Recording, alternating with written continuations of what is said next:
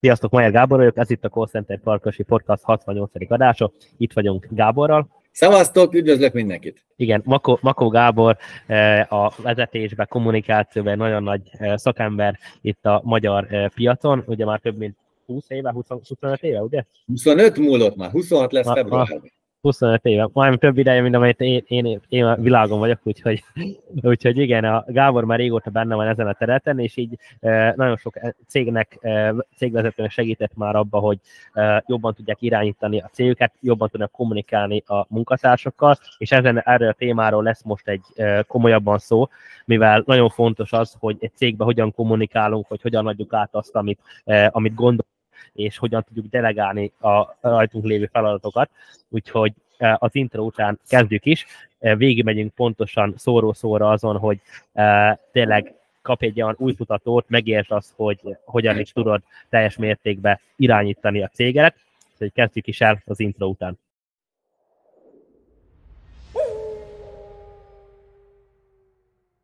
Ugyebár Gábor még, hát körülbelül mennyit, fél éve, több mint fél éve most már ismerkedtünk meg ilyen május, május környékén legelőször. Nagyon érdekes a, a megismerkedésünk, mivel még Facebookon indítottam egy ilyen hirdetést, írtam egy ilyen e-bookot, és az meg volt hirdetve, úgymond ilyen csali termékként, és akkor Gábor érdeklődött ez iránt, és letöltötte, és felküldte hírlevél listára, és aztán nagyon sok ember, nem is tudom, akkor valami 600-700 ember olvasta a hírlevelet, most már több mint ezeren olvassák, hogy abból a 600 száz valamennyi emberből te, téged kisorsoltunk, és te, te nyerted meg e, egy ilyen üzleti könyvet, úgyhogy igen, meg, meg is nyerted. Aztán utána e, fel is vettem el a kapcsolatot, akkor beszéltünk is, és e, nagyon ilyen éreztem akkor is rajta, hogy nagyon ilyen pozitív személyiség van, és aztán utána e, meg is érkezett a könyv, mondtad, hogy szuper, és aztán amikor volt egy ilyen képzés, mert te folyamatosan tartasz ugyebár képzéseket e, cégeknek, akkor e, kaptam tőled egy ilyen úgymond meghívást e, vecsésre, a Stáció Hotelban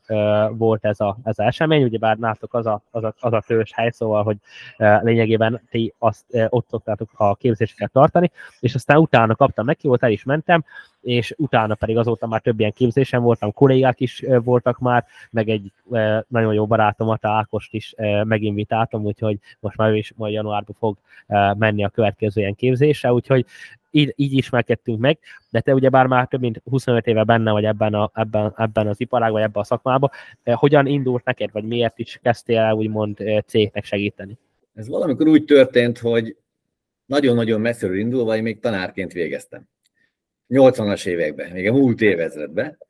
és éve. Eh, ez csak azért fontos momentum, mert valahogy egész gyerekkoromban volt egy ilyen jóslat egyszer, hogy, hogy biztos olyan ember leszek, aki sok emberrel fog együtt dolgozni, vagy színész, vagy pap, vagy előadó, vagy tanár, de ahol sok embernek akar segíteni, ez valami ilyen, és lehet, hogy ez, ez vitt magával ez, a, ez az üzenet, tényleg valahol benne volt a személyiségemben. Tanári pályát viszonylag hamar ott hagytam, bár tanítani szerettem, de más nehézségek miatt e, arról leváltam, és akkor rögtön vállalkozói területre tévedtem. Ja, már egyből vezet... akkor. Tessék? Egyből már vezető, le, egyből már vállalkozó hát, lett, hogy akkor így van, illetve akkor már volt egyéni vállalkozóm, de közben egy, egy céghez keveredtem vezető pozícióba, induló céghez, ahol nem tulajdonosok voltunk, hanem egy külső tulajdonos befektetőként hozta létre a vállalkozást, elkezdtük építeni hatan talán, ebből lett egy 40 valány fős cég, és én az egyik felső vezetője voltam, és azt hát láttam, hogy hiába megy előre a cég, tehát mentünk előre, de mégis valahogy azt láttam, hogy én megyek az utoljára, hétvégén még én dolgozom, minden bánattal búval engem találnak meg, és, és akkor azt kezdtem látni, hogy hát aki gyereket szülő, az tudja milyen, hogy kisgyerek, kis gond, nagy gyerek, nagy gond szokták mondani, a cég is ilyen, hogy ahogy nőtt a vállalkozás, nőtt a munkatársi csapat, meg az ügyfélszám, meg a feladatszám, valahogy mindig egyre inkább elkezdett maga alá temetni engem is. És akkor kezdtem el nagyon erősen keresni azt, hogy hogy lehetne ezt jobban csinálni. Biztos, hogy lehet, gondoltam, egy vállalkozást sikeresebben működtetni vezetőként. És nagyon intenzíven elkezdtem tanulni azt utána járni, tréningek járni, szakirodalmat olvasni, hogy hogyan lehetne ezt jobban. És találtam egy sor olyan dolgot, amire azt láttam, vagy azt gondoltam, hogy ez, volt, azt gondoltam, hogy ez annyira pofon egyszerű, annyira józannak tűnik, hogy miért nem én találtam ki ezt. Hm. Akkor eljött az a késztetés újra, amikor már sok év óta uh, alkalmaztam azt, amit tanultam vezetőként, hogy ezt nem, nem egy cégben szeretném kamatoztatni, vagy megosztani, hanem újra eljött az az énem, hogy, hogy több embernek segíteni több ember együtt gondolkodni, együttműködni, és szélesebb körben gondolkodni azon, hogy lehetne más vállalkozóknak, és nem is csak a vállalkozóknak tegyük hozzá, hanem én azt gondolom, hogy van egy jó szándékú vezető, egy cégtulajdonos vagy egy vezető, nekik vannak munkatársi csapatuk, csapataik, és hogy ez a csapat milyen hatékonysága, hogy működik együtt, ez nagy mértékben múlik a vezetőn, de nagy mértékben a munkatársi csapaton is. És ugye a család után, ami a legszűkebb egysége a, a, a társadalomnak, a következő egysége egy, egy kollektíva, egy munkahely. És nagyon nem mindegy, hogy az ember az érben töltött életének a nagyobbik felét, ugye 24 órából valamennyit alszunk, valamennyit pihenünk, de a munka életünk jelentős részében a nagyobbik fel az munkával zajlik. És nagyon nem mindegy, milyen hangulatban, milyen helyen, milyen közösségben, milyen sikerélményekkel, vagy milyen bánattal, búbánattal, vagy nehézségekkel küzdünk. És akkor innen jött ez a kértetés, hogy minél több embernek segíteni abban, hogy nagyobb harmóniában, meg biztonságban tudjanak működni. Na és ez volt 98 februárjában tartottam az első tréningemet. Na, ezért lesz most Azt. 26 éve. Azt. Most egy ilyen jubileumi alkalom lesz. Igen, hát a negyed évszázad már elmúlott, most még hozzáteszünk még egy évet. Így van. Így van. És, igen, és ez alatt a időszak alatt így mit tapasztalta, hogy minden cég ugyanúgy működik, vagy minden cég ugyanazokban a hibákba esik bele, vagy vannak úgymond más, más jellemzők is? Egyrészt vannak abszolút visszatérő típus problémák, vagy típus nehézségek, Másrészt időszakosan más-más jellegű problémák, tehát ennyi időt azért volt idő megfigyelni, hogy mit 5-6-7 éve változnak a probléma típusok, de van néhány, ami kifejezetten jelen van. Mondok egy, egy alapvető megközelítést. Ezt gyakran mondom, bemelegi, amikor először találkozok valakivel tréningen, ezt rendre el szoktam mondani. Hogy maga a természet működésének megvannak a törvényszerűségei. A gravitáció, Archimedes törvénye, a mértani vagy a fizikai törvényszerűségek. Ez nem azért Igen. működnek, mert az ember kitalált, hogy ilyen legyen, hanem ez működik az ember nélkül is. Igen.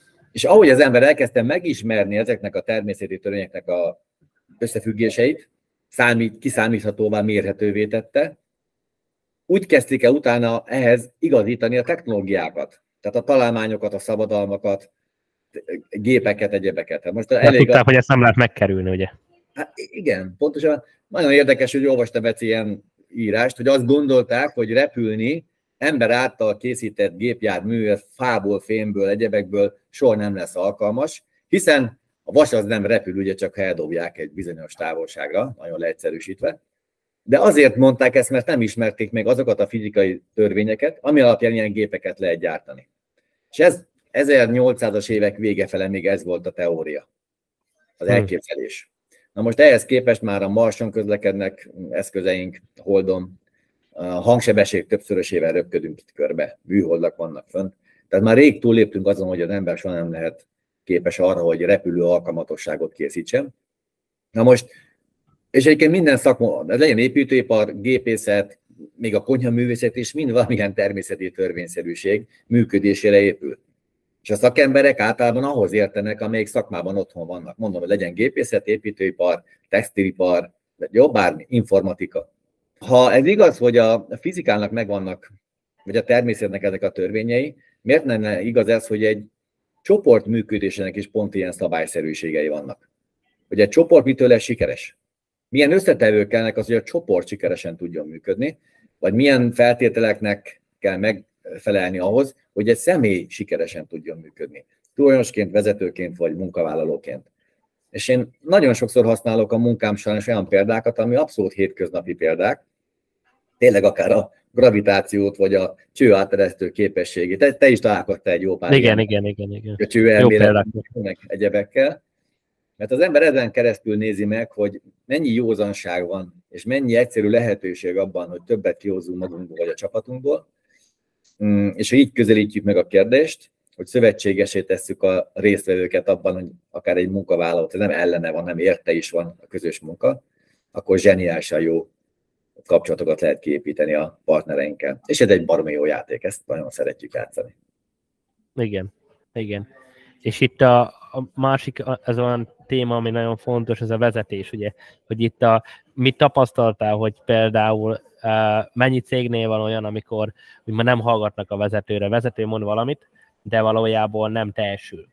És ha nem teljesül, akkor mit tapasztaltál, miért nem szok általában teljesülni, és elmondod, mi a megoldás, akkor az is egy ilyen plusz dolog a nézőknek, hallgatóknak. Igen, nagyon szívesen, de olyan egyszerű lenne, akkor valószínűleg nem férne bele ebbe a 45 percbe, vagy nem tudom, mennyi időnk lesz. Persze. Egy kicsit összetett, tehát nem lehetetlen küldetése sokkal nagyobb, sokkal átfogóbb témakör, de azért vannak típus gondolatok. És köszönöm, hogy visszakérdeztél, mert elkezdtem magyarázni ezt nagy ívbe, ezt a természeti törvényszerűséget, meg hogy most visszatértünk a földre, igen. Igen, igen, köszönöm, hogy, hogy a figyelmet újra félre, nem válaszolta meg a, pontosan a kérdést. Na, tehát amikor egy vállalkozó vállalkozó lesz, többnyire ahhozért nagyon jól, egyrészt tök jó szándékú ember lehet, tehát jó szándékú. Legalábbis mi csak ilyenekkel dolgozunk, aki nem azzal van, nem is akarunk együttműködni természetesen. Hál' Istennek a partnerek eldöntetik, hogy akarnak-e velünk dolgozni, de milyen jó, hogy mi is eldönthetjük, hogy akarunk-e velük dolgozni. Vagy képzeld el, találkoztam egy olyan fiatalemberrel, akinek nagyon tetszett a hihetetlen lendülete, a felkészültsége, a fantasztikus tájékozottsága, zseniális videói, hát úgy hívják, hogy Majer Gábor, nem tudom, ismered egész közelről.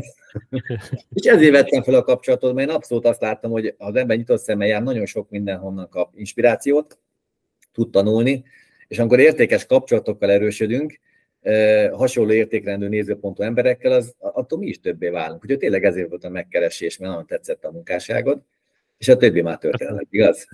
Igen. Van egy fél, fél éves történelmünk van, és ez még sokáig fog tartani. Igen. Sokáig. Szóval, így van. Szóval az emberek, vagy a vállalkozók is leginkább a saját szakmájukban vannak otthon, annak a mesterei.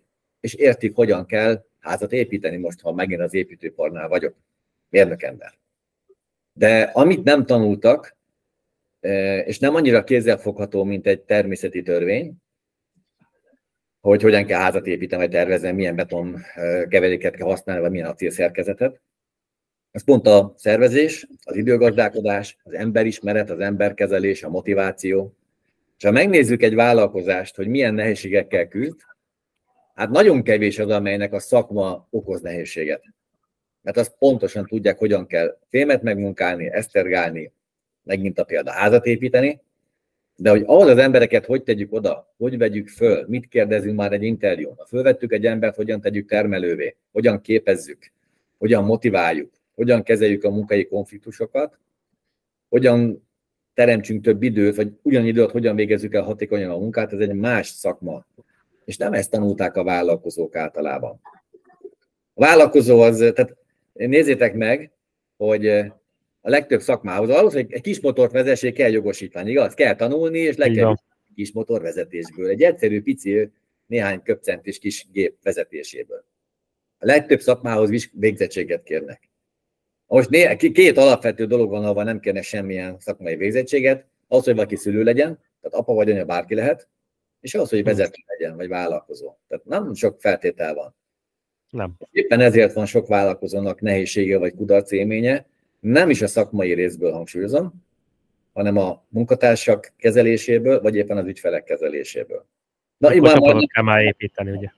Tessék, Gábor, bocsánat. Mikor, bocsánat, mikor, kép, mikor, mikor csapatot kell már építeni. Akkor igen, igen, igen. Ennek a probléma. Így van. És ez viszont mindig visszatérő probléma volt, meg még úgy tűnik, hogy marad is. És hát mi ezen dolgozunk gyakorlatilag.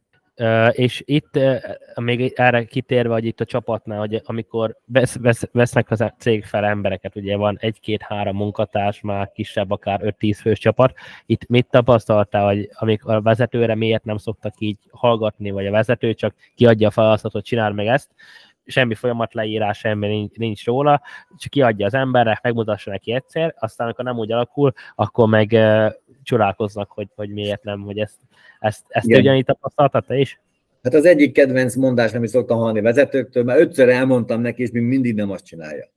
Jön a visszakérdezés, teljesen megértem, hogy bosszus vagy, hányszor írtad le? Ez le van írva? Van erről egy céges útmutató, van egy szabály, van egy munkaköri vagy posztleírás, van-e hozzá képzési anyag?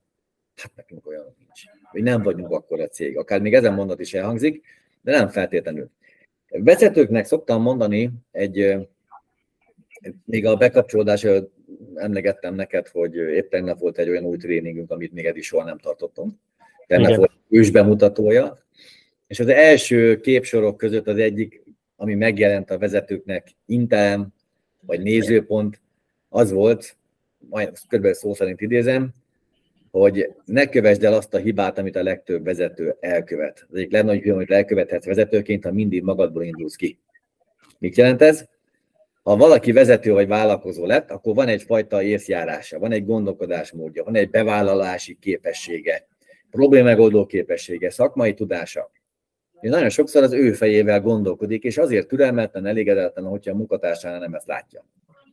És azt mondom, hogyha ha nem tudom fölvenni a munkavállaló nézőpontját, lehet egy tök jó szándékú ember, tehát nem azért, mert sokkal butább, más adata, más nézőpontja van, más szemegen keresztül látja a céget vagy a világot, és ezt vezetőként nem értjük meg, akkor nem is kezdünk el használni olyan eszközöket vagy módszereket, amivel a munkatársunk megértését meg tudjuk növelni a céggel kapcsolatban, a feladatával kapcsolatban, a tennivalóival kapcsolatban. Tehát vezetőként egyik legfontosabb dolog, hogy képes legyen a saját munkavállalói fejével is gondolkodni.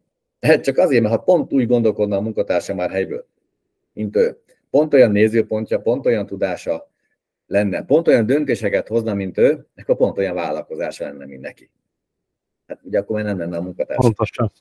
És nagyon fontos, hogy ez nem leértékelése a munkatársnak, hanem az, hogy más nézőpont, más szempontrendszer, más tapasztalat, és ezt, ezt nagyon fogni kell. És ez egyik probléma, amit látok a vezetőknél, hogy nehezen veszik fel a másik ember nézőpontját, vagy a munkavállalót ilyen nézőpontból nem tudja vizsgálni.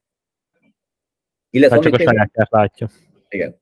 Amit mondtad, itt nagy igazság egyébként, hogy nagyon sok cégben, amíg pici a cég, hát el vannak foglalva azzal, hogy építkez, egyedül van, ketten vannak, hárman vannak, négyen, öten, hatan, még egy kézzel így átlátható még. Tehát azt gondolja a vezető, hogy embert még átlát.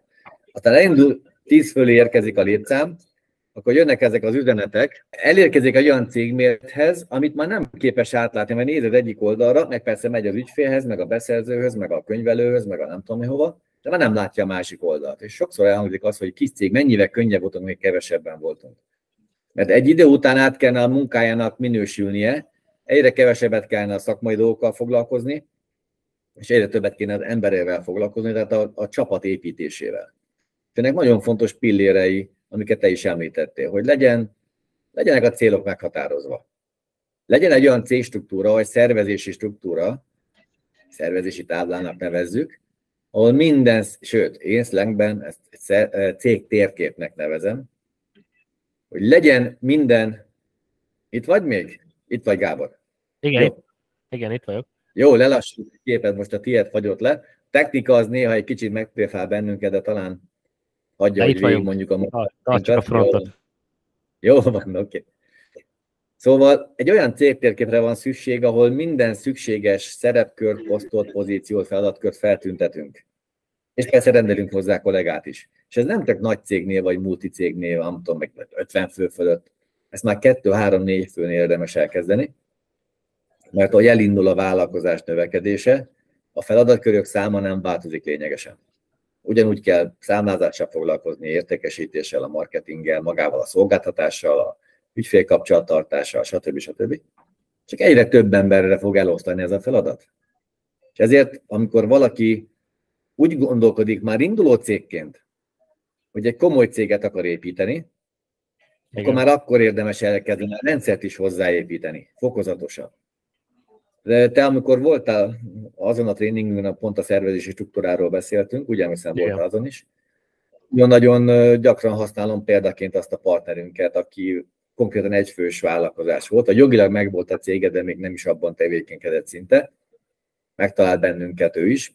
A, nagyon büszkék vagyunk, hogy a partnerkörünk 95% ajánlásból érkezik hozzá. Ez a fiatal is úgy jött, hogy szeretne egy komoly céget összerakni, de nem akkor, amikor már szétszakad a munkába, hanem most, hogy még el se kezdte szinte, mert még máshol dolgozott külsősként, hogy elkezdjen felépíteni lépésre lépésre. Ez egyik legkevésbé szokványos kérdés, vagy kérés volt hozzánk, hogy egy még szinte nem is működő céget felépíteni, és ezt raktuk hmm. össze program szinten. De tényleg olyan, olyan aprólékossággal, hogy a, a fiatalember Tamásnak hívják, már akkor kitűzte, hogy mikor akarja a céget tényleg beindítani, ez egy jó fél éves távlatra volt tervezve. E, novemberben kezdtünk, és május környékén akart, és március legvégén minden meg volt, a honlap meg volt, az árképzés meg volt, a célstruktúra meg volt, az alapvető szabályok meg voltak, a pénzügyi tervezési rendszere meg volt. Hmm. Hogy majd, ha és elindul a bevétel, és mennyi bevételni, mennyi árésnél fogja majd tudni fölvenni az első embert, mely posztok lesznek azok, amiket lead majd magáról először. Tudósan indult neki. De nem tudom, hogy kezdted, Gábor, de ahogy téged ismerek, valószínűleg te sem úgy estének, hogy egy céget fogsz működtetni életed végéig. Nem is akar. Egyből, egyből az volt a cél, hogy londoni tőzsde, úgyhogy én úgy indítottam el. Hát ilyen szerényen kis léptés, lépésekben indul. Igen. New Yorkét nem tűztük ki, de, de a londoni az igen. Még nem tűztük ki, ezt jól beszél, hát még nem tűztük ki. Igen. És hát ahogy látod, mondom, lépésre lépésre nagyon tudatosan haladsz e felé. És tényleg, ahogy mondtad, ott vannak a kulcs munkatársaid, kulcsvezetőid, járnak hozzánk most is programokra, és önmagukban is egy jó szándékú, jó képességű emberek. Sok mindent összeraktatok már ügyesen. Szóval visszakanyarodva, ha egy vállalkozó sikeres vállalkozást akar építeni, akkor nagyon sokat kell magába fektetni vezetőként is. Hogy vezetőként képes legyen tényleg vezetni a munkatársait. Hiszen a vezető az attól vezető, hogy képes elvégeztetni a munkát másokkal. Úgyhogy nem ő csinálja már, hanem megcsinálja a csapatával. Igen. Igen, igen, ezt akarom hozzászólni ehhez, hogy, hogy ez így van, szóval a vezetősnek ez a, az a legfőbb erény, és ez, ez sokan nem, nem parancsok, hogy akkor igen, megcsinál vagy meghal, hanem, hanem azon, hogy, hogy tényleg vezető, hogy ő nem rábeszél valakit valamire, hanem meggyőzi, hogy az, az ő érdeke is, hogy ezt az adott dolgot megcsinálja, és ezáltal válik úgymond tényleg vezetővé, és mindig az, én meg azt tartom, meg ezt te is elmondta sokszor több képzésen is, hogy nagyon fontos, hogy mindig a, úgymond a megfelelő embereket a megfelelő székekre ültessük, hogy ha valakinek van valami erőssége, az lehet a másik, azt még valakit szeret számlázni, szerződést írni, vagy különböző adminisztráció dolgokat megcsinálni, az lehet, hogy utálja, valaki meg utálja pont ezt megcsinálni, és akkor nagyon fontos úgy beosztani az adott illetőt, hogy pont azt csinálja, amit tényleg szeret, és élvezettel csinál, mert akkor tud hosszú távon ott maradni, mert akkor jönnek a kiégések, amik valaki nem olyat csinál, amire, amit valójában szeret. De erről mit gondolsz? Teljesen jól látod, ez az egyik. Az egy büntetés annak az embernek. Utaltunk már rá, hogy a, hát az érben töltött életünk nagyobbik fejét a munkával töltjük. Na most az életünk nagyobbik része olyat csinálunk, amit nem szeretünk, csak abból élünk meg, az egy keserű élet lesz. És ugye ezt lehet hogy sokkal mosolygósabban is élni. Tehát tényleg, amit mondasz, nagyon ilyen túl romantikusnak tűnik szinte, jaj, hát most a munkát azt nem kell szeretni. De miért ne, kéne, miért ne lehetne szeretni? A munkát is, a kollégákat is, sőt, meg a vezetőt is lehet szeretni, az egy jó fejépeszű vezető. E, a, amikor embereket keresünk pozícióra, nyilván kell valamilyen képességgel rendelkeznie, hogy értsen hozzá. De a tudásnál, vagy a hozzáértésnél sokkal fontosabb a hajlandóság, vagy van-e szándéka azt csinálni. Vagy van-e akár kedve, mert lehet, hogy mondjuk, mondtad ezt a példát, lehet, hogy, hogy nagyon tudnék könyvelni, nem bántva a könyvelőket, mert könyvelő céggel is dolgozunk meg. Hát ez nagyon, tehát az én habitusomhoz képest, akik szeretek pörögni, meg jönni, menni, utazni, egyik nap itt vagyok, másnap az ország, másik felében nagyon sokféle tevékenykedünk, sokféle programokon. Nekem egy lehet, hogy kicsit monoton lenne. De múltkor beszélgettem éppen egy könyvelő hölgyel, hogy segítsen, hogy ő mit szeret, ő nagyon szeret, és mit szerez benne. Azt, hogy a, tudom, hogy hogy működik, és amikor hozom az adatokat, beírom ide, beírom oda, és a végén kijön nullára, akkor, akkor tényleg jól csináltuk. Ha nem, akkor olyan, mint a Sudoku, a társas játék, vagy az a számos játék, hogy beírom, kiírom, mint egy, mint egy feladvány. És sikerélményen kijön az eredmény. És így elkezdtem megérteni, hogy miért lehet azt is nagyon jól szeretni, és jól csinálni.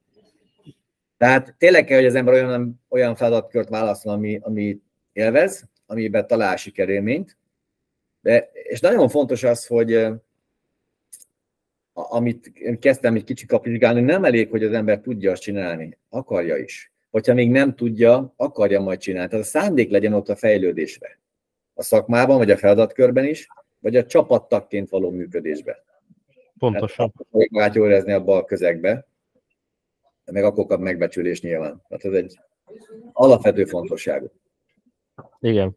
Uh, Igen, igen, és itt a, még arra rátérve, hogy itt a kommunikáció ugyebár a csapatta, ez is egy ilyen ö, kulcsfontosságú dolog, hogy itt ö, mit tudtál mondani, vagy mit tudtál javasolni általában azoknak a cégeknek, akik ezzel itt szenvednek, hogy hogy hogyan is kommunikálnak. Nem, nem, nem a technikai részt értem, hogy akkor most mit használnak, WhatsAppot, Viber, vagy, vagy mit pontosan, vagy Slack-et, hanem hogy, ha, hanem hogy hogyan érdemes, hogyha például aki legtöbb cég ugyebár nem online működik, hanem azért bemennek fizikailag, ott vannak a reggel bemennek a kollégák, délután hazamennek, hogy hogyan érdemes velük kommunikálni, milyen gyakran érdemes akár meetinget tartani, mit érdemes azokon a meetinget elmondani, ezt, ez, erről te hogyan vélekedsz? Az egész kommunikátor úgy vélekedek, hogy rendkívül sok fontos összetevően annak, hogy egy ember sikeres az életben, vagy nem lesz sikeres az életben. Ez legyen a munka, legyen, tehát legyen vállalkozó, vagy vezető, vagy munkavállaló, vagy bármilyen emberi társas kapcsolata. Sok minden nem múlik. De amit én kiemelnék, ha egy dolgot kell kiemelni, az a kommunikáció. Az egy egyénnek, vagy egy csoportnak a kommunikáció szintje határozza meg, hogy az az egyén, vagy az a csoport mennyire tud sikeres lenni. És valahol ebben a világban nem értik a kommunikáció fontosság. Nem, nem igaz, hogy nem értik. A, a fontos, ezt fontos a kommunikáció, csak az emberek többség azt gondolja, hogy baromi jól kommunikál, a másikkal van baj, hiszen a másik nem hm. érti meg őt. Nem tudom, láttam Amerikában. Igen, ilyenek van, vannak a viták, ugye? Így van. Igen. Amikor elkommunikálunk egymás mellett, neki meg a kommunikáció definíciója is, vagy a meghatározása sem egyszerű, mint mi is, ez nem egy közlés. Nem az, valamit elmondunk valaki, nem egy információ átadás. De a kommunikáció lényeg az, hogy ez egy közös játék, ez egy közös tevékenység, ott oda-vissza történik az információcsere. És ez csak egy irányú, akkor ez egy közlés. Nincsenek válaszok, nincsenek kérdések. Hát ugye van egy egyszerű kommunikációs tréningünk, most segíts, de talán mint azon is lettél volna a kollégákkal együtt, igaz? Igen. Hatásos kommunikáció alapja, azt hiszem. Kommunikáció alapja, igen. Ugye az egy nap arra szolgál, hogy az ember megértse ennek az alapalapjait, és gyakorlatokkal keresztül ismerkedjen meg vele, értse meg, és tesztelje azt, hogy melyik kommunikációs összetevőt hogyan tudja alkalmazni az életben is. Igen. És ez, ez egyik legfontosabb összetert, összetartó erő. Tehát a kommunikáció az mindig fontosabb, mint a nem kommunikáció egy cégen belül, vagy az emberi kapcsolatokban. És a kommunikáció nem csak a mennyisége, hanem a minősége is kulcsfontosságú. Ez igaz, amikor csak két ember beszélget egymással, vagy legyen akár, mi most mi is kommunikálunk, beszélgetünk. Oda-vissza, igen. De valamikor csak e-mailezünk, vagy telefonozunk, vagy SMS-ezünk, ez is kommunikáció, hiszen kicseréljük a gondolatainkat. És ebben azt gondolom, hogy legfontosabb dolog, a kommunikációban sokszor az a téveszmély az embereknek, hogy azt gondolják, azért kell kommunikálni, nekem legyen igazam. Nem. Azért kell kommunikálni, hogy megértés legyen egymás között. Tehát sokszor az alapvető célját nem pontosan jó határozzuk meg, és ha nem jó célon használjuk a kommunikációt, abból lesz az erőfitoktatás előbb-utóbb, vagy a jól megmondom neki, vagy a beolvasok neki, vagy inkább hozzá se szólok. Azt hiszik, hogy az működik sok esetben. Hát sajnos nem szokott működni. És akkor megint visszakanyarunk a vezető felelősségére, a vezető szerepére, tehát akkor egy csoportban, hogy milyen a kommunikáció szint, ugye minden egyes munkatárson múlik. Ez egyértelmű. De hogy, hogy a, a, az egész vállalkozásban, vagy a cégben milyen a kommunikáció minősége, az elsősorban a vezető múlik. Hogy mit vár el magától, mit vár el a csapat tagjaitól. Milyen rendszerességű. Tehát olyan, olyanra is igaz, amit említette, hogy meetingek például hogy milyen értekezett rendszer van, kik, mikor, milyen rendszerességgel találkoznak, milyen témakörökön mennek végig. Vagy ha írásban is kommunikálunk, hogy, hogy azt illik megválaszolni. Ha valaki kap egy feladatot, nem elég, ha megcsinálja, azt illik visszajön, hogy kész. A másik fejében ott marad egy nagy kérdője, hogy most akkor az megtörtént, vagy nem. Vagy nagy alapdolgokat említek csak itt, de, de azért mondok ilyen alapdolgokat, mert ilyen alapszintű problémák vannak a vállalkozásokban. Minden innen indul ki, ugye a legalapoktól. Abszolút. Pontosan. Így van. Pontosan. És mit, mit tapasztaltál? Mi, mi az, amit, mi, mi szokott lenni a legnagyobb probléma így egy ilyen, főleg olyanok nézik nálunk, akik ilyen kezdő vállalkozók, ilyen tíz fő alatti cég, hogy mi szokott általában a legnagyobb probléma lenni így vezetés, kommunikációs uh, szempontból, uh, és ez erre milyen ilyen javaslataid vannak uh-huh. ennek a megoldására? A akár egyfős vállalkozó valaki, vagy egyéni vállalkozó valaki, és, vagy már tényleg van egy 5-6-10 fő csapata, legyen ez egy alapvezér gondolat, hogy a kommunikáció mennyisége és minősége határozza meg a sikerességünket. mert nem csak a cégen belül, hanem kinézhetünk az ügyfélkapcsolatokra is. Hát valaki, hát el tudjuk adni a magunkat, vagy a termékünket, vagy a szolgáltatásunkat, az mondhatjuk, hogy értékesítés, az értékesítés nem más, mint kommunikáció. Ha jön egy ügyfél reklamáció, vagy egy panasz, az nem más, mint kommunikáció. Ha valaki nem akarja kifizetni a jogosan elvégzett munkánk után a számlát, ami nekünk jár már lóvét, nem utal, annak a begyűjtés, annak a pénznek, az nem baseballütős behajtás, vagy nem ügyvédi megszólítás, hanem ez egy kommunikáció. Tehát egy emberi kapcsolatban egy konfliktus, ez egy kommunikáció. Egy embert motiválni, az egy kommunikát. Erőt eszembe. Ide tettem egy idézetet. Annál is inkább friss idézet a fejembe, mert teljesen véletlenül, nekem minden hét csütörtökön van egy másfél-két perces kis rövid vezetői mesterfogások című videóm, ami a Facebookra fölkerül, meg a LinkedInre, meg... Meg, meg YouTube-on is fenn van, úgyhogy ez egy fontos, hogy Gábor, Gurville Group néve megtaláljátok amúgy YouTube-on. Így van. Nem túl hosszú, nem túl fárasztó, egyszerű nézőpontok, ilyen nagyon gyakorlatos jó tanácsok. És most például pont a, egyébként pont a vezetői kommunikációról szól, mint hogyha összebeszéltünk volna. Ezeket legyártjuk ugye előre ezeket a, a videókat, igen, igen. és a csütörtöki már ott van a kolléganőmnél, aki a marketing ügyeket is intézi. És ott idéztem egyet Lee Iacocca-tól. Ez az úriember, ez egy legendás vezetője volt a Fordban is, Fordban is dolgozott annak idején, meg a Chryslernek volt a nagy vezérigazgatója. Vagy ők hozták fel, ő, ő hozta, húzta fel az egészet. Ugye, mentette meg a csőt gyakorlatilag. Így van, jól, jól tudod, abszolút. De ezért szeretek veled beszélgetni, mert nagyon tájékozott vagy ilyen dolgokban is, nagyon olvasott. És neki volt egy ilyen idézete, nem túl bonyolult, figyelj. Az egyetlen lehetőség az emberek motiválására a kommunikáció. Hm. Például ott volt az a tanácsom ebben az egy perces vagy két perces üzenetben, lelőm a holnapi poénomat, hát, de aki elárulja, annak nagy baja lesz, úgyhogy mindenki tartsa titokba. Hogy, hogy vezetőként bármennyire is elhalazott valaki, bármennyi öm, feladata van ügyfelekkel, könyvelővel, beszállítóval, megrendelővel egyeztetnie, be kell erőltetni azt, hogy a munkatársal legyen rendszeres kommunikációja. Nem csak meeting szinten, amikor ott van esetleg 3, 4, 5, 6, 8, 10 ember, hanem egy négy szemközti kommunikáció. Üljön levelet, havonta tegye be. Ha már nagyobb a cég, akkor a vezető érje el, hogy, hogy a, az egyes területeket vezető kulcs munkatársa vagy vezető ugyanezt tegyék meg az ő embereivel. Üljenek le, kérdezi, mi van veled? Milyen heteid, milyen hónapjaid voltak? Milyen sikereid vannak, milyen nehézségeid vannak? Mi az, ami segíteni a munkádat? Mi van veled? Mi van a családoddal? A gyerekkel? Ez nagyon jó, igen. És egy munkatársnak már ez egy komoly motiváció, amikor azt érzi, hogy ő nem egy hatoslapos alátét a cégbe, egy jó robot, hanem van annyira, hogy a vezető elbeszélget vele, hogy kíváncsi rá, hogy tényleg érdeklődik az a vezető iránta, akár magánéleti, vagy akár a céges ügyekben. És nem kell három órás meetingnek lenni, vagy megbeszélésnek. Negyed óra.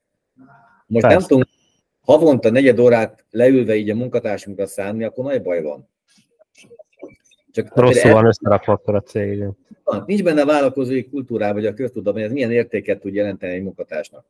Hát ezekkel a lépésekkel lehet egy jó csapatot építeni például. Akkor, ha van, meg hozzáfűzöm, mert kérdezték, és mindig vigyázni kell velem, mert tudod, beindul a... Nagyon sokat tudok beszélni, de, de azok inspiráltak a kérdéseid. Például egy, aki most épít csapatot, egyedül egy-két főcége van, vagy tényleg most a tízhez közelik, bármekkora van. Már beszéltünk arról, hogy már most el kell kezdeni megalapozni, nem csak a szervezési struktúrával, hanem szabályokkal, eljárásmódokkal, irányelvekkel. És az elsők között, a mi cégünkben az első között vannak azok az irányelvek, a cégen belül kommunikációról, amely minden munkatárs kézbe kapja, amikor munkakapcsolatba kerülünk, elolvassa, átbeszéljük, világos-e ami csak arról szól, hogy a cégemben hogyan kommunikálunk egymással. Tehát ilyenek vannak benne, hogyha bajod van valamelyik munkatársal, akkor ne a háta mögött beszél ki, hanem vele próbálj egyeztetni. Ha nem tudsz dőle jutni, akkor forduljatok a vezetőthöz. Nem józan? Szerintem ez egy tök józan megközelítés. És mégis a cégek döntő többségében elindul ez a zuhanyhíradó, meg a furkálódás, meg a másik kibeszélése háta mögött. Ilyen ezek, a, roh- ezek a rohadt almák a cégbe, ugye vár, akiket. Ha, igen, de sokszor ez nem is a rossz szándék, hanem a tudatlanság vagy a képzetlenség miatt van. E, szoktam mondani, csak olyat beszélj a másikról a hátam mögött, amit te is örülni, a róla beszélnek a te hátad mögött. Igen. Soha nem az a probléma, ha valaki hibázik. Ilyen van. Hát nagyon kevés tökéletes embert ismerek, Majer Gábor, meg rajtam kívül nem sokan vagyunk ilyenek, csak egy páran, igaz? Ez egy jó elcsépett poén volt, bocsi, de el kellett, De tehát ez is benne van a mi kommunikációs irányelvünkben, szabályunkban. Nem az a baj, ha hibázunk. Az a baj, ha alapítunk, mint az a bizonyos a fűbe. Hanem szólj, akkor tudjuk rendbe tenni, akkor tudjuk kezelni, és ebből lehet tanulni. Senkit nem lőttünk még főbe, hogyha hibázott, azért sokkal jobban haragszunk, ezt nem kommunikálja, nem szól, hogy időbe tudjuk kezelni. És megint ez a kommunikációról szól. És persze az emberekkel el kell hitetni, hogy tényleg így van.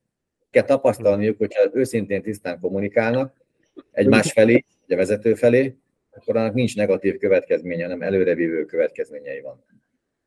Igen, csak előre. Így van. Abszolút. Így van. Így van. Ebben teljesen egyetértek, Gábor, úgyhogy erre nagyon oda kell figyelni, mert különben, és különben máski nem tud működni, és például, a, aki említette, említetted az illetőt, neki van egy ilyen angol könyv, nekem benne van ott a kívánság listámon, ott a Amazonon, meg lehetem, hogy nem tudom, hogy magyarul van-e, de tudom, hogy angolul van, hogy a német Amazonon meg is lehet venni, és neki van egy erre egy könyve, nagyon sikeres vezető volt, ugye egy, tényleg a Chrysler-et is a csőd céléről mentette meg, és, és ugye bár egy szó kommunikáció, hogy mennyire, mennyire fontos, és mennyire nem csinálják, hogy nem kommunikálnak a vezetők, és nem csak a vezetőkkel, akik a, a, a sor mellett dolgoznak, akár bármilyen egyéb egyszerű, én is voltam gyármunkás, de sose ült le velem a vezetőm, és kérdezte volna meg, Móron is dolgoztam, Mosó-Magyaróváron, több helyen sose kérdezte meg tőlem, hogy figyelj, hogy van valami problémád, vagy, vagy, vagy jól érted marad nálunk, mi kéne, mi kéne javítani, pár ilyen egyszerű kérdés, egyszer se ült le. Ez azért ő sem tudta ezt, ugye bár nem volt -e így be, e, nem volt benne a cégkultúrába ez, és ez, hogyha valaki beépíti a cégkultúrába, akkor e, teljesen más tud lenni. És például itt nálunk is a, a Katénak hívják a kolléganőnet, e, volt egy ilyen, majd több mint egy évet itt dolgozott, aztán volt egy haláleset a családba, és akkor úgymond ilyen elég rossz helyzetbe került így lelkileg is, és aztán utána nem dolgozott nálunk egy ilyen 9 hónapot körülbelül, dolgozott azon több, több helyen, ilyen egyszerűbb munkákat elvállalt, és aztán e, mondta, hogy meg előtte is mondta, amikor legelőször idejött, hogy, hogy nálunk ilyen jobb munkahelyen még soha, soha nem dolgozott, hogy tényleg itt őszintén kíváncsi vagyok rá, megértsük őt, segítünk neki, hogyha bármi van, és hogy, hogy mennyire emberiek vagyunk, és ez cégnél az abszolút nem tapasztalt, és és, és ez egy nagyon jó, nagyon jó visszajelzés, és ezen, ezen még lehet ugyebár még jobban fejleszteni, de ehhez nagyon fontosak olyan vezetők is, mint nálunk Erikkel is találkoztál, hogy Igen. például ő nagyon jól meg tudja érteni az embereket, tud nekik segíteni, ez egy nagyon fontos vezetői, vezetői képesség. Úgyhogy igen, úgyhogy a kommunikáció az, az minden. Nagyon egyet tudok veled érteni, és látszik is, hogy hogy ez a, a Radó, Radóval és Erika járt előtt, mindegyik egy tök intelligens, nyitott, épeszű fiatalember, e, és a ti vállalati kultúrátokban biztos, hogy bent van ez. De amit mondták, közben eszembe jutott a negatív oldal. Képzeld el, vagy képzeljétek el, hogy e, nagyon sok, ugye 25 év alatt, lassan 25 év alatt rengeteg vállalkozóval találkoztam, tényleg kicsi, kisebb céggel, de olyannal is, aki 4-500 fős vállalkozás. És nem mondom, hogy mindenkinél előkerült ez a téma, de sokszor kérdezgettem, hogy miért kezdte el, honnan indult el. Hát itt dolgoztam, ott dolgoztam, munkatársként, alkalmazottként vagy vezetőként dolgoztam, de alkalmazott vezetőként. Nagyon sokszor elhangzott, én azért jöttem el, ha ott azért megfelelő megbecsülést kaptam volna, és nem anyagilag csak, hanem úgy, hogyha meghallgatják a véleményünket, ha megkérdeznek bennünket, ha láttuk, hogy valami tök hülyeség, és tettünk volna a javaslatot, lesöpörték az asztalról, mert majd a tulajdonos eldönt mindent mert hogy mindig mindent jobban tud. Tehát nagyon sokan azért kezdtek vállalkozást, és mondja, hogy nem így bánnak velünk, vagy velem, mondja az illető, hogy nincs lehetőség megbeszélni a vezetővel dolgokat, az épeszűség jegyében, akkor lehet, hogy mindig ott dolgoznék. Kommunikációs probléma. Lehet, hogy ezért veszítenek el a vállalkozások nagyon értékes embereket. Pontosan. Igen. Ez, ez így van, és ezt majdnem én is tapasztaltam, és mikor volt, dolgoztam egy cégbe, ott mindenki nagyon rossz hangulat, nagyon rossz véleménye voltak a cégről, és amikor elmentem dolgozni, ez egy ilyen gyár volt Nagymegyeren, a határhoz közel, akkor az volt, hogy a szlovák, szlovák részen, hogy nagyon rossz véleménye voltak, és oda mentem, és akkor így, így annyira nem vettem észre, egészen a harmadik napig, aztán akkor, akkor jött egy ilyen vezető, aki ilyen nagyon ilyen ilyen nagyon szigorú nő, nő volt, de hogy ilyen nagyon-nagyon durván ilyen, ilyen piros személyiség típus, de nagyon-nagyon erősen, teljesen ez a, ez a kíméletlen sok esetben, és aztán volt neki néha olyan, olyan része, amikor így ilyen mosolygott, meg ilyen, de, de általában ez nagyon durván szigorú volt, és rendesen féltek tőle az ott dolgozó nők, és nem is mertek neki ellenszegülni, és nem még az, hogy, hogy valami kommunikáció lett volna, és például ez a cégnél nem csak ez a vezető volt sajnos, hanem volt több olyan, akinél tapasztaltam, hogy olyanok voltak, hogy nagyon nem értettek így az emberekhez, szóval abszolút úgymond leszarták, nem azért már le akarták, hanem simán ilyenek voltak, csak nem vezetőnek, nem vezetőnek valók.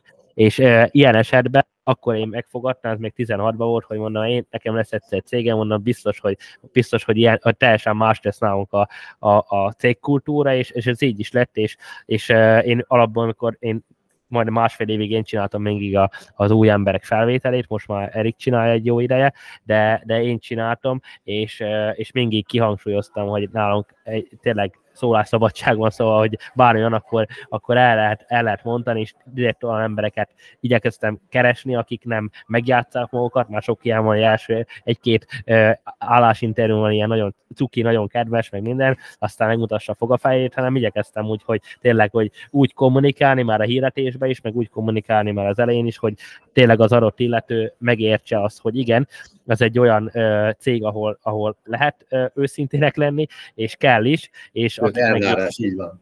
Igen, és akkor igyekeztem mindig úgy, hogy ezeket az embereket, ezeket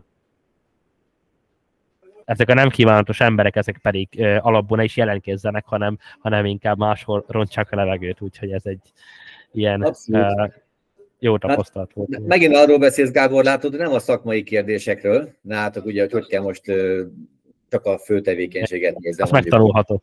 Ele, ez, ez megtanulható van. Bár látod, az még a szakma is, a szakmai rész is a kommunikációra épül. Igen. De, de éppen egy gyártó cége lennél, érted? Vagy egy, egy szolgáltató, vagy csomagoló üzem, vagy tök mindegy mi. Ezek, amiket te elmondtál, ez nem szakmai kérdés. Ez az emberrel összefüggő kérdés, hogy ember, vezetőként, tehát vezetőként nem a szakmába kell lejönnek lenni, hanem emberismeretben, emberkezelésben, motivációban, kommunikációban. Egy sorolhatnék egy pár dolgot, de ez az emberi oldalban kell erősnek lenni.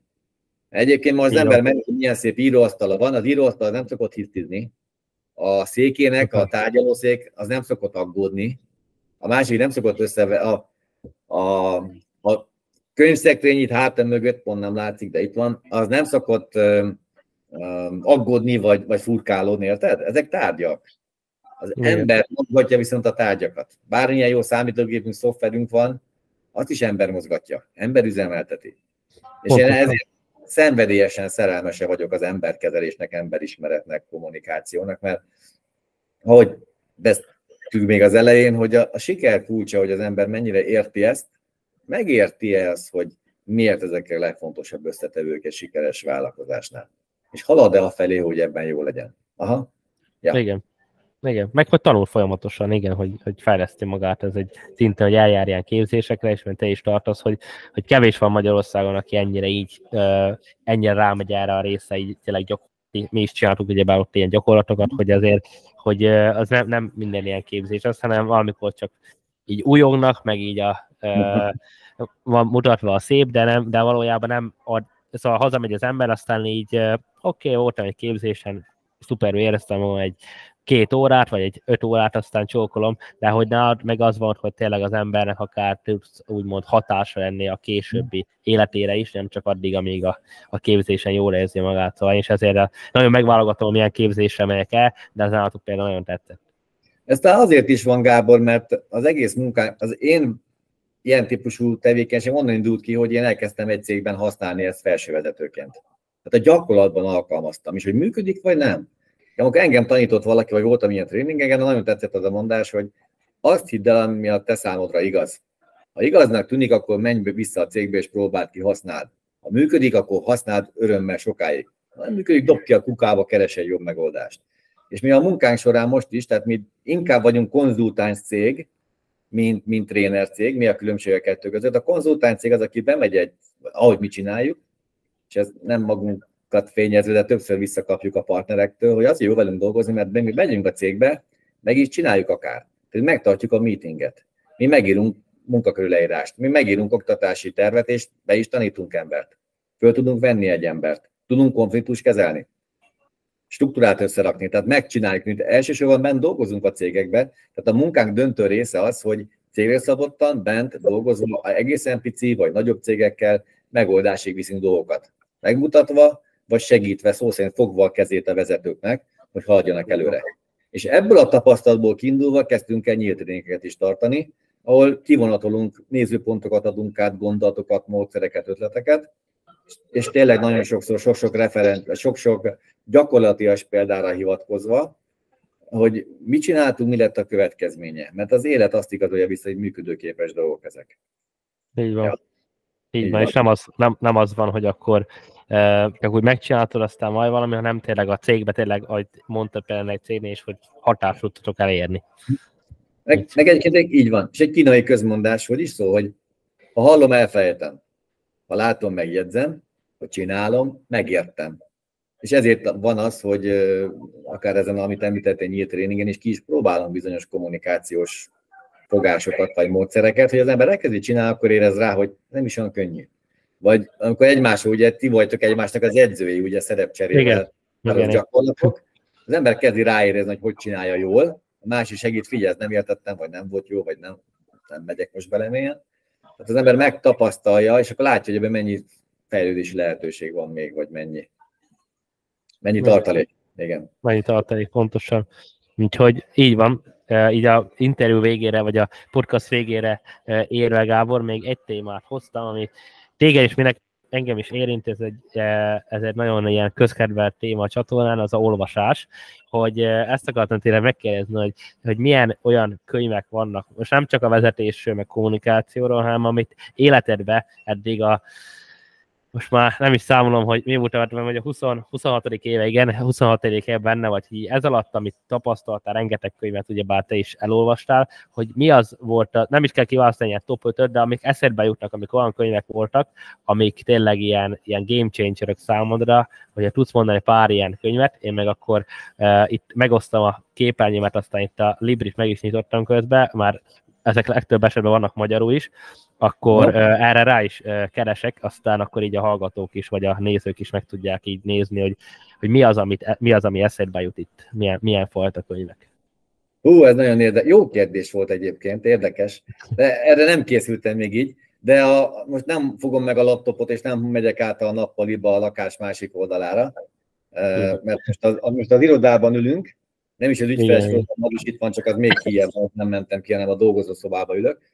Elég hosszú könyves polcunk van tele könyvekkel, mert ez már talán tőled is hallottam, mert sokaktól, hogy a, a könyves polc hossza az értékesebb dolog, mint a tévének az átmérője, hogy mekkora tévét nézünk. És arról nem beszélve, hogyha az ember, legyen egy ilyen szép irodalom, vagy szakirodalom, ha olyat olvas az ember, az a saját univerzumot tágul, a saját gondolataival is megspékelve, és Így van. a folytonos olvasás vagy tanulás olyan, mint a testedzés. Ha nem edzük a testünket, bármi, lehet, hogy maratonfutók voltunk korábban, vagy, vagy súlyemelők, nem tudom én mi, de nem edzük, az elsorvad. Tehát a szintű tartáshoz is kell folyamatosan edzeni a testünket. De pont ilyen az elme, a, a tudásunk. Van egy, azt hiszem egy Jim Ron nevű fiszkótól olvastam, hogyha többet akarsz, neked kell többé válnod. Ez volt az üzenet, és baromira tetszett. Egyébként van egy, egy sok száz, talán ezres nagyságrendű gyűjteményem, amikor tanulok valamit, és egy-egy hmm. üzenet megfog, azt rögtön kigépelem, és be el van ment a, a bölcs idézetek gyűjteményével tematikus. Külön a kommunikáció, a szervezésről, az időgazdálkodásról, a vezetésről, nem tudom miről, vagy a fejben teremtésről, a gondolatokról. Igen. Folyamatosan tanulunk. Egyébként most éppen még, ha végeztünk, most megyek még megint tanulni egyet, most fogom majd befejezni egy tanfolyamot, amely az emberismerek nagyon speciális témakörével foglalkozik, hogyan ismerjük fel azokat a személyeket, akik, eh, így szépen fogalmazta, hogy a, a rohatalma kosárba, jó? Utána így kommunikálom ezt. Tehát azokat a személyeket, akik lehet, hogy látszólag kedvesek, csíni, vini, aranyos, mosolygósak, de végül is azon dolgoznak, hogy téged vagy a csoportot tönkrevágják. Nem mindig könnyű felismerni. Tehát az ilyen rossz szándékú antiszociális személyeket hogyan, hogyan kezelt, hogyan ismer föl, barom érdekes.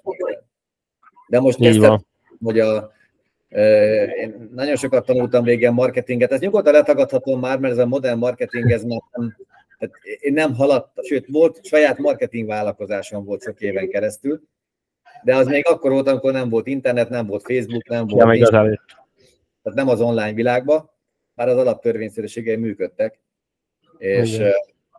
mondjuk a Kiyosaki könyvek, ugye az úgy pont nem marketing.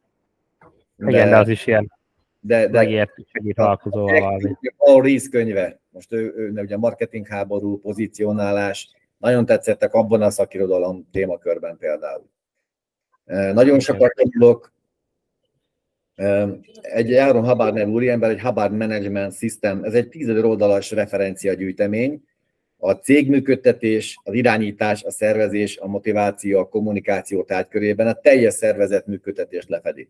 Hihetetlen bölcsességek tárháza van benne. Igen, önelemzés is itt van, ugye, dia, dianetika. Igen.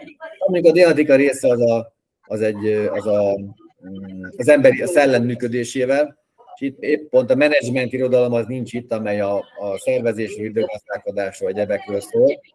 Igen. Uh, Földi küldetés, az meg, része. Hát a világ egyik legtöbb nyelvre lefordított írója, van olyan könyv, amely Guinness világrekord, a világ Azt legtöbb nyelvére lefordított könyveként.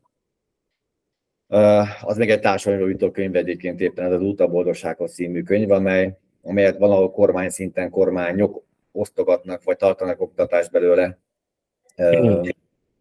Oktatást a hadseregek vagy a rendőrtisztek tartanak képzést iskolákban abba, abból a, a könyvéből. Nagyon-nagyon széles körű alkotó volt, mm, úgyhogy őtől nagyon sokat tanultam a szervezet működtetésről is, rengeteget, meg az emberismeret, emberkezelés. A kommunikációs tárgykör, amit te voltál tréninged, az mind az ő munkássága, néhány idézet gondolattól eltekintve. De ma, amit És ő, ő mellette? Igen, amiket említettem is, hogy um, most lehet, hogy elő kéne, át kéne sétálni, levenni egy párat a könyvespolcról. Mondom, mondom a kiosztaki könyvek azok megint más egy gazdálkodási kultúrát honosítanak meg. A, a V mítosz, a vállalkozások mítosz, a, nem régen a T. Eckler, ha jól emlékszem a nevére. Michael Gerber, igen. Michael. Így van, Ger, így van. Ez a Pontosan ebben a kiadásban, ebben a kötetben van itt a polcomon. Nagyon jó nézőpontok vannak benne, és egyébként tudod, mi az érdekes, Gábor? Hogy tényleg azt gondolom, hogy nem, az most, hogy mondjam, nem megmagyarázásként, szinte irigyellek azt, hogy te ilyen tudatossággal tolod, hogy majdnem, hogy heti egy nap egy könyvet leteszel. Ez, ez így van, heti egy, heti egy könyvet mindig elolvasod. Itt nem, voltam én is ilyen életszakaszomban, ez most éppen nem fér vele, de, de tényleg ott van a folyamatos önképzés, meg tanulás, olvasásnak a szükségessége. De a, a, ami nekem nagyon tetszik, és tényleg ennyi alatt volt időm megfigyelni, hogyha olvastam valakitől, akár a most említett szerző közül valamit, azt mondom, ez tök jó, olvastam egy másiktól nagyon hasonló dolgot. Amit igaznak tartok én, vagy megtapasztaltam, hogy jó, az lehet, hogy több szerzőtől más példa, más nézőpont, más meghatározás, de ezek ott vannak középen. Mert valahogy az a, az én megfigyelésem, hogy a, mondok egy ilyen hétköznapi példát, mondjuk ott, ahol te most vagy, Dublinban, és itt Budapestről Dublinba eljutni, úgy nagyjából el lehet 3 millió 516 féle útvonal, igaz? Én el tudok menni Pekingen keresztül, vagy Kamcsatkán keresztül tudnék menni, csak kicsit hosszú lenne az út, kicsit görbe, gírbe, gúrba, meg nem kifizetődő. De Budapestről Dublinba hozzád eljutni, egy vagy két útvonal van, ami a legészszerűbb, a leghatékonyabb. Így van? Így van. Én ezért azt gondolom, és nekem ezt, ezt adta sokszor ezek a, a képzések vagy a tanulás, és akár különböző szerzőktől is, hogy a, a világot épeszűen sikeresen működtetni, vagy egy dolgot jól csinálni, nem, egy dolgot rosszul csinálni lehet három féle módon. De jól csinálni csak egy-két módszer van rá. Mert az alapelvek, ugye, amit sikeresnek látok, bármelyik szerzőtől nagyon hasonló alapelveket tesz oda. Igen. És például a kommunikációra vonatkoztatva is, mondok neked, figyelj, vagy figyeljetek, Henry Ford, egy zseni volt a maga nemében, olyan dolgokat csináltam, és sokan nem csináltak meg. Henry Ford ezt mondta, ha a sikernek van titka, akkor az abban a képességben rejlik, hogy megértjük a másik ember nézőpontját, és az ő szemszögéből is látjuk a dolgokat, nem csak a sajátunkéból. Igaza van? Kommunikáció? Ezt mondta Henry Ford. Idézek egy másik úriembert, Szókratész, ókori görög filozófus. Amikor valakivel beszélsz, sose azzal kezd, amiben eltér a véleményetek. Kezd azzal, hogy kiemeld az, és hangsúlyozod azokat a dolgokat, amiben megegyeztek. Megint miben tudunk nevezőre jutni? Nem amiben eltérünk. Kicsit, hogy tudom a másik nézőpontját megérteni? Évezredek választották el a két embert. És az alapigazság ugyanaz. Én ezért gondolom, a világ működésének, vagy a kommunikációnak, vagy egy vezetőként működésnek megvannak a törvényszerűségei, és akit látja, vagy később hallgatja ezt a podcastot, tudom javasolni azt, amit te javasoltál, vagy nagyon biztatom, tanuljon, képződjön, olvasson, mindegy kitől. Lehet, hogy egy, egy egész könyvet elolvas, és nincs benne csak három mondat. De lehet, hogy ez a három mondat, az milliókat fog érni. Igen, ami... sose tudhatod, hogy melyik fog adni. Sokat. Így van. Mikor és melyik időszakodban, melyik életszakaszodban talál be? Vagy milyen céges vagy magánati problémára ad megoldás vagy nézőpontot? Tehát Igen, ez is a... érdemes többször elolvasni egy könyvet, ugye? Abszolút. Most mondta az egyik kedves partnerem, ő is ott volt a tenapi tréningen, azt nem tennap mondta, hanem korábban, de tőle idézem, te Gábor, én meg, erről beszéltünk pont, hogy ő is több könyvet többször olvasott, de ezek a Gábor, ezek a könyvek maguktól okosodnak. Ebben most még okosabb dolgot benne, mint múltkor, amikor olvastam négy évvel ezelőtt. Igen. Igen, mert úgy is fejlődünk közben, új nézőpontok, új tapasztalatok, ugyanazt elolvasva, döbbenetes mennyi plusz új információt tudunk kivenni belőle. Igen, érdekes, hogy mennyire, mennyi, mikor tudjuk, hogy mikor, kell, mikor vagyunk azon a szinten, hogy azt megértsük. Például volt olyan könyv, amit most volt egy olyan, van egy olyan könyvsorozat, amit, eh, amiben egyszer vettem egy ilyen könyvet, a befektetésekről szól, és, és nagyon nem tetszett, mert annyira ilyen bonyolultan volt leírva benne, hogy nem tudom, egy ilyen én úgy szoktam elolvasni egy könyvet, hogy elolvasom egy ilyen 50 oldalig, 40-50 oldalig nem tetszik, akkor, akkor eh, én azt bezárom, és nem ott lezárom, és megyek a következőre. Ennél kb. 40. oldalig jutottam, és nagyon ilyen, ilyen olvashatatlan volt.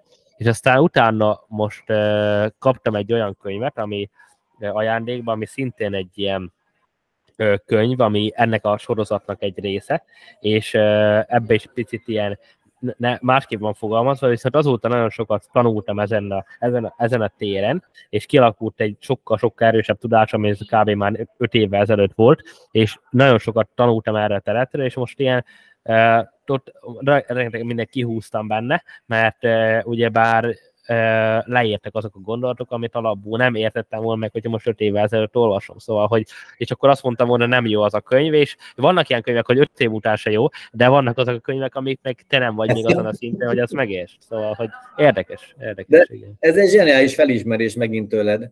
Ezt a de van egy speciális tanulási módszer, ott van egy ilyen szabály, mi akadályoz meg az embert a tudás megszerzésében, a túl meredek lépcsőfokkal ez is Aaron Hubbard munkássága, olyan tanulási módszertan, sok államban ez a bevezetik állami szinten is ez a tanároknál, mint, mint képzési módszertant. Hogyha az ember hmm. olyan dolgot tanul, ahol még nem tartott. Tehát ilyen szinten van a tudásom, de ilyen kéne, mert nekem kéne atomfizikát tanulni, amikor az, a középiskolás fizika is már megkopott, bajba lennék. Nincs megágyazva, nincs megalapozva neki. Igen. És ezért nyilván, ez, és visszatérve, ez egy munkai képzésnél is igaz, vagy egy kollégát, képezel, Nektek is biztos, hogy vannak képzési anyagatok, meg gyakorlataitok a kollégák számára, hogy sikeresen ezt a, a telefonos interjúkat, felméréseket, de ott is lehet, hogy van egy bevezető első egy-két mondat, hogy mivel kezd, milyen egyszerű dolgokkal, és hogyan kezelni a helyzeteket. Tehát a fokozat egy borzasztó fontos dolog megint. Igen, és meg a gyakorlás, igen, hogy ez tényleg ez a kettő együtt jár, úgyhogy legyen akkor ez a végszó most, Gábor. Köszönöm szépen, akkor Úgy legyen. Így így részt vette, ezen, részt vette a podcastba, és akkor így év vége előtt még így karácsony előtt meg tudtalak így vendégelni egy kis finom kekszel, csokival, mindennel, úgyhogy így, így virtuális kekszekkel. Virtuális kekszekkel, úgyhogy már jól laktunk így előre. Aztán még ilyen beéglik majd később ennek, úgyhogy Ugye ezek, ezek, ezek megvoltak, úgyhogy még egyszer köszönöm Gábor, hogy, Gábor. hogy becsatlakoztál, remélem még a jövőben lesz ilyen közös podcast. Aztán akkor sok sikert nektek ez Jó, hát Figyelj Gáborom, köszönni valóm nekem van, én nagyon élveztem veled a beszélgetést, és tényleg, amit mondtam az elején is, hogy amikor az ember épeszű emberekkel veszi magát körül, épeszű kapcsolatokat épít, az ő is nyer mindig. Nekem ez egy felüdülés volt, töltekezés volt, egy jó kis szellemi torna, úgyhogy nagyon köszönöm a lehetőséget. Köszönöm még egyszer. Igaz magad jól Dublinban, teljenek jól a napjaid, heteid, és folytatjuk jövőre. Így van, folytatjuk jövőre. Szia neked is, meg szia mindenkinek, aki látja ezt a videót.